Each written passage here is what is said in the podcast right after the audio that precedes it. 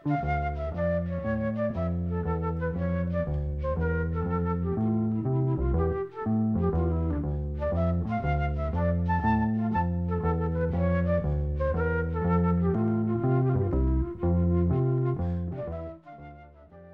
sæl. Þegar við sagðum skilið við söngkonuna og píjánuleikaran Kristín Makví í síðasta þætti, hafði hún fengið fastráningu í Flítút Makk. Hljómsveitin var á miklum umbróta tímum, meðleminni voru búinir að snúa bakinu við bluesrocki sem gerðist við það að Peter Green og stuttu síðar Jeremy Spencer hættu í sveitinni. Þriði gítarleikarin Danny Corvan var orðin mikill alkoholisti og rústaði gítarnum sínum rétt á hann fórun og svið í ágúst 1972 og það sem að gítarna var brotinn neytaði hann að spila. Flýt út rakan í kjölfarið og réð gítarleikaran Bob Weston tímabundið. Um líkt leiti kom söngvarinn Dave Walker í hópin en það var allt í nút. Engu að síður gerði Fleetwood Mac tvær stóra plötur árið 1973, Penguin kom að markað í mass og platan Mystery to Me var gefin út í oktober. Gamlu félagarnir, Mick Fleetwood og John McVie, heldur rósinni og staða þeirra var óbreytt og Kristi McVie styrti í sessi eftir því sem aðri tónlistamenn rukku skaftinu hver af öðrum.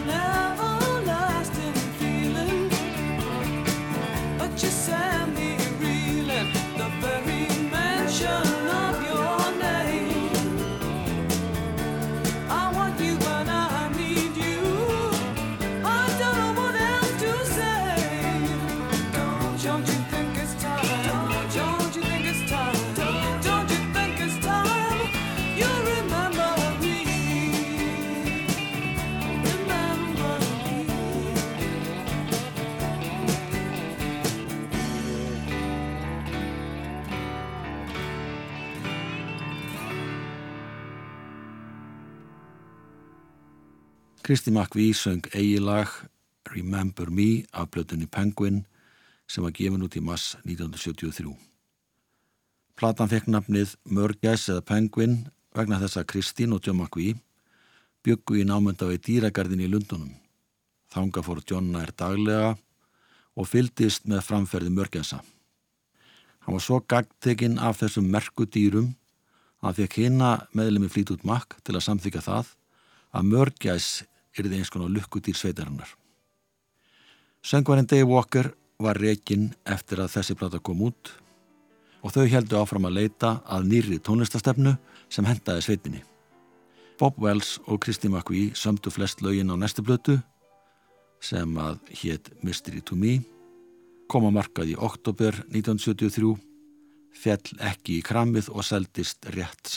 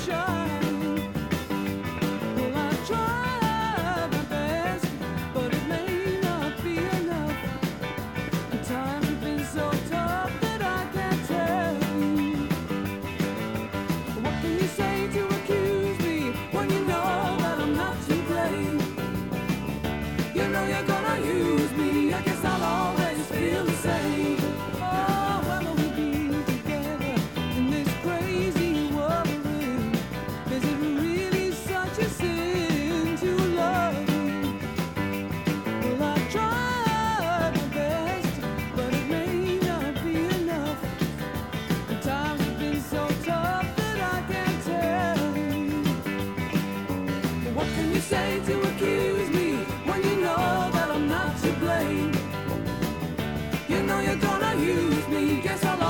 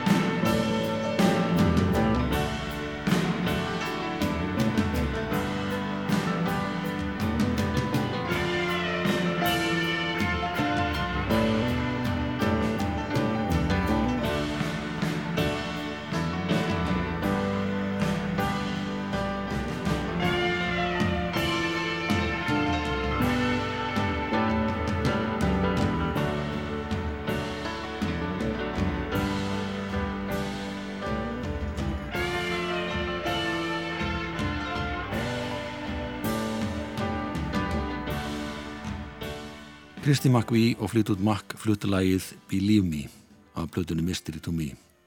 Gítarleikarinn Bob Weston átti í ástasambandi við Jenny Boyd, eiginkonu Mick Fleetwood, sem komst að þessu öllu saman og rak Weston þegar hann uppgötaði þetta.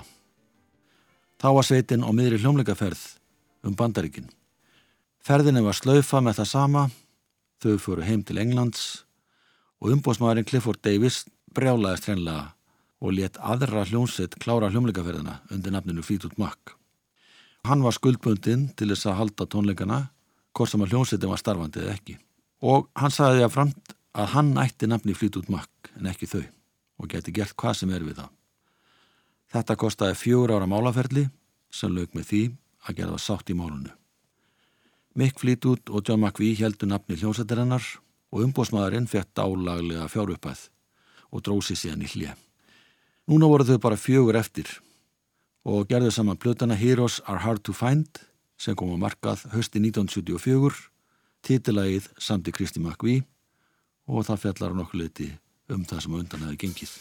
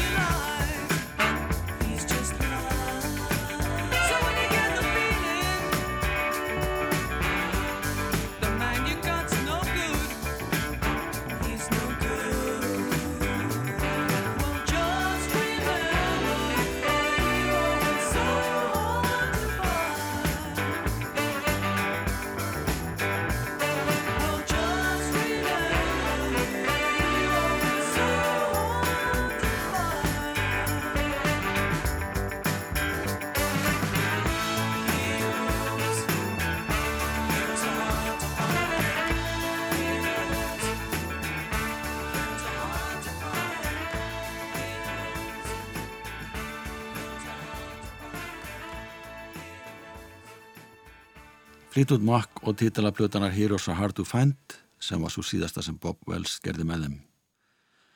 En aftur á hljómsettinni sem var ferðast um bandaríkinn sem The New Fleetwood Mac. Þessi hljómsett áttu enga möguleika, þeir byrði alltaf eftir því að einhverjur úr Fleetwood Mac myndu mæta á svæðið sem þeir gerði ekki og endanum þá gáðust þeir upp. Breyttum nafn kölluði sér Stretch og gáði reyndar út nokkra plötur eftir þetta. Mick Fleetwood og John McVie ásand Kristi McVie neittust til að flytja til bandaríkjana þar sem að málaferlinn fóru fram. Þau settu staði í Kaliforníu og breyskifan Heroes are Hard to Find seldist betur í bandaríkjunum en fyrri plötu flýt út makk, svo enginlega sem það er. Þau prófaði að bæta við hljómbósleikara til að Kristi McVie hefði aðeins meira frelsi sem söngkona en það gekk ekki upp. Á endanum reyðuðu kærustuparið Lindsey Buckingham og Stevie Nicks. Þetta voru að gamlaskvöld 1974. Saman tókuðu upp nýja plötu sem fekk einfallega nafni flýt út makk og maður sneisa fulla grípandi lögum sem slói gegn hvert og eftir öðru.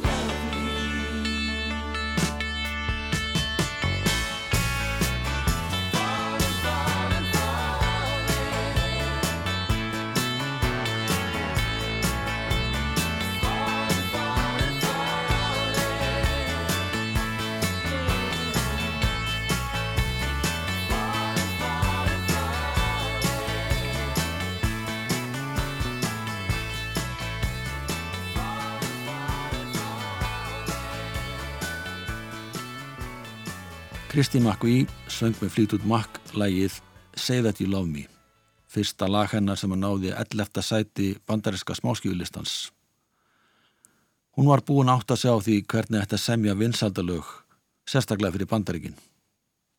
Hinn konan í hljómsveitinni, Stevie Nicks, var ekki síðri lagasmöður heldur en Kristín McVie. Því hún áttu lögin Rhiannon og Landslide sem verðu líka vinsal. Breiðskjema seldist í 7 miljón eintökum og allt virtist ætla að breytast í gull í höndunum á þeim. Reyndar var þetta ekki neitt dans á rósum, þó svo peningandi streymt í kassan. Mikk Flítút var í raun Frankvældarstjóru umbósmaður svetarinnar, hann stóði skilnaði. Samband Lindsey Buckingham og Stevie Nicks var í mólum og þau töluðust varla við. Og hjónaband John McVie og Kristi McVie stóð alls ekki á tröstum fótum. Hún var reyndar komin í sambandi ljósamestara sveitarinnar og undir þessum kringustæðum gerðuðu sína allra vensalustu plötu Rumors. Kristín samti til að mynda lagið You Make Loving Fun og var þar að syngja um samband sitt og nýja ástmannsins.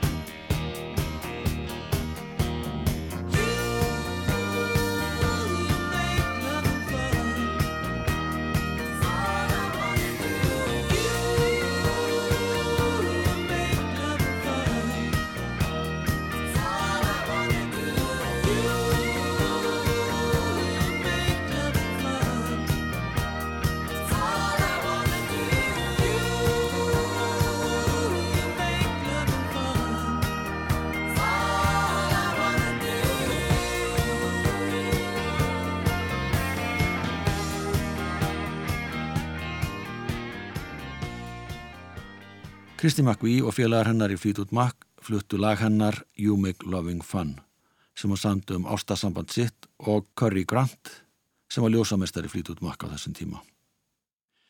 Kristín og fyrirvændi eiginmaður hennar, John McVie, passalegari sveitarnar, töluðist alls ekki við. Ástandi var enda frekar erfitt. Þau komið sér fyrir á Flórida og samtu lög fyrir næstu plötu, fóru síðan til Kaliforníu, bókuðu hljóðverð og voru þar meir og minna næstu vikur og mánuði. Kristín McVie bjóð með Stevie Nicks skamt frá hljóðverinu en Stevie var í svipaðari stöðu gagvart Lindsey Buckingham fyrirvændi kerasta sínum. Vinna fór því þannig fram að stúdíu var bóka allan sólaringin í marga mánuði og þau hittust nánast aldrei öll í hljóðverinu á þessu tímabili. Samt sem áður tókst þeim að gera einhverja mögnuðustu popplötu allara tíma. Lægi Don't Stop var gríðalega vinsalt en þar syngu Kristín ásand Lindsey Buckingham og það fer alls ekki að melli mála að textin fjallarna það hvernig líðanir var hjá henni eftir 8 ára hjónaband sem endaði með ósköpun.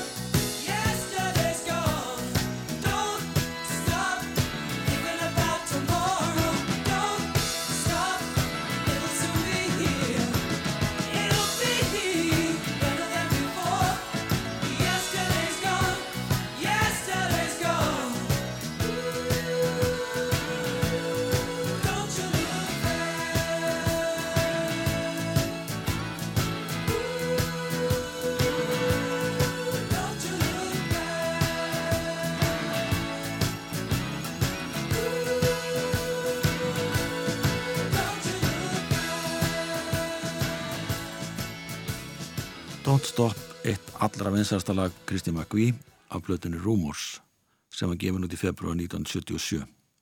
Hún seldist í 10 miljónu endugum á heimsvísu í fyrsta mánuðinum og heildasala blötuna til þessa er rúmlega 45 miljón endug. Þau fylgdi blötun eftir með hljómleikaferð sem stóð mánuðu saman og það var ekkit auðvelt því að flestir í hljómsdynni gátt ekki talast við.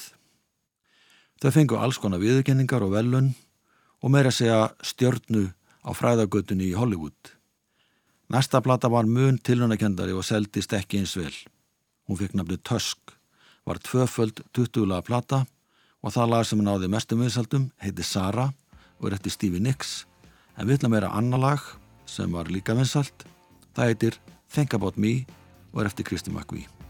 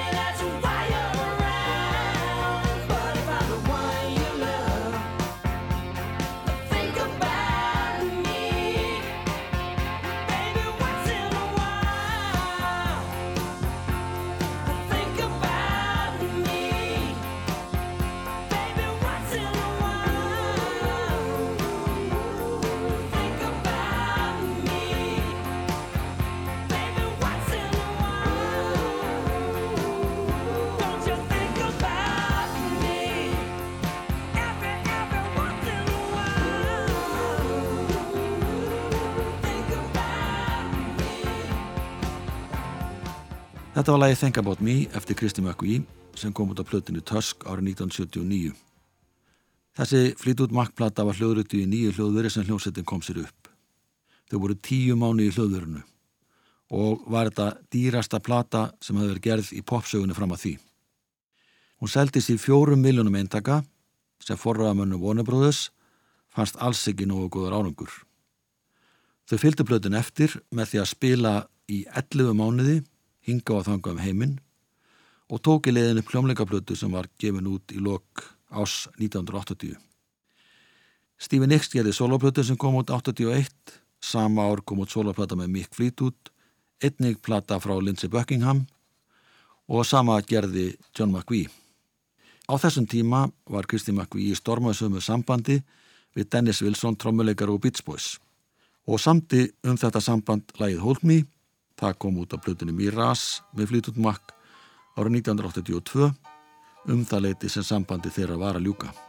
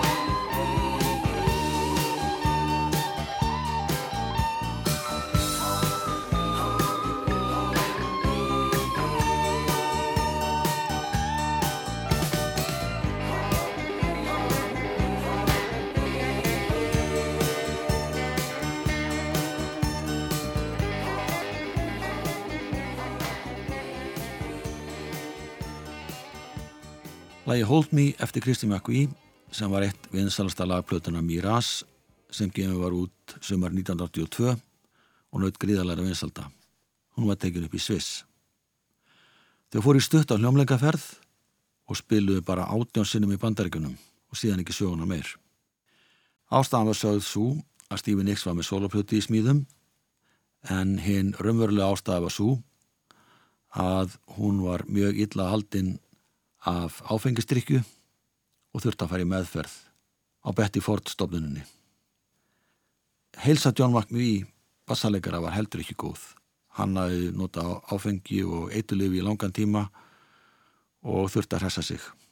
Og Mick Fleetwood var í allt öra málum en ekki mikið betri því hann var gerður gjaldtróta vegna skattaskulda. Kristi McVie notaði tækifærið og gerði aðra soloputu sína og hún tók upp skamur síðar samband við hljómbósleikaran Eddie Quintella. Þau gengu hjónaband árið 1986. Sagan á göttinni var svo að Fleetwood Mac væri ekki lengur til sem hljómsvitt. En Lindsey Buckingham saði að þau hefðu engöngu ákveða sinna öðrum verkefnum og væri byrjuð að vinna að næstu plötu. Reynda var það plata sem að fekk nafni Tango in the Night og átti uppalega að vera soloverkefni Buckinghams. Hann samti fimmlagana, tvö lög samtan í saminuðu Kristi McVie og Stevie Nicks samti þrjú lög.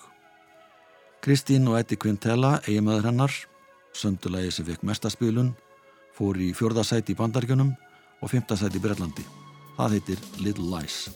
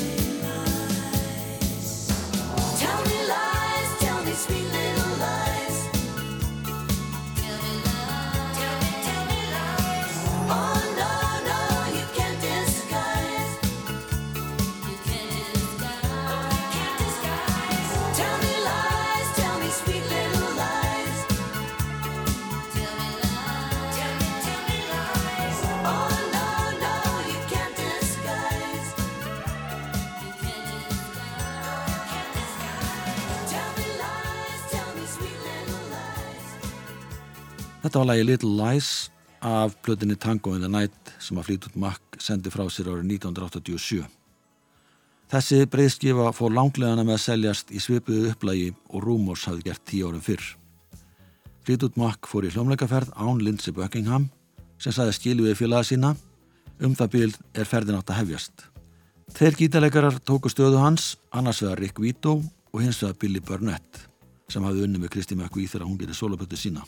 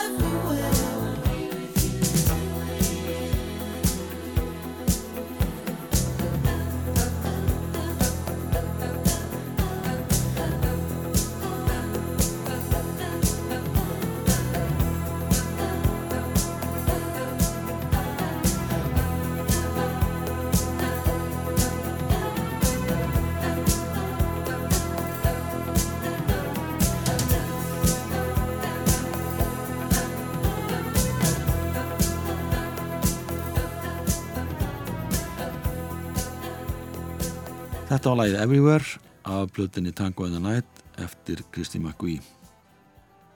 Það gekk á ymsu hjá meðlumum flýt út makk næstu árin. Þau gerðu plötuna Behind the Mask árið 1990 og var lægið Save Me eftir Kristi McVie bísna vinsalt. Cyril Perfect, fadir Kristín McVie, dóa meðan hún var á miðri hljómleikaferð og ákváði hún að hætta að koma fram ofinbilla. Hún fluttist út til setna til Breitlands byrjaði ekki að spila aftur með Fríðút Makk fyrir 16 ára setna. Látum þetta næja um feril hennar, þættinu líkur á læginu Save Me, byrjaði sæl.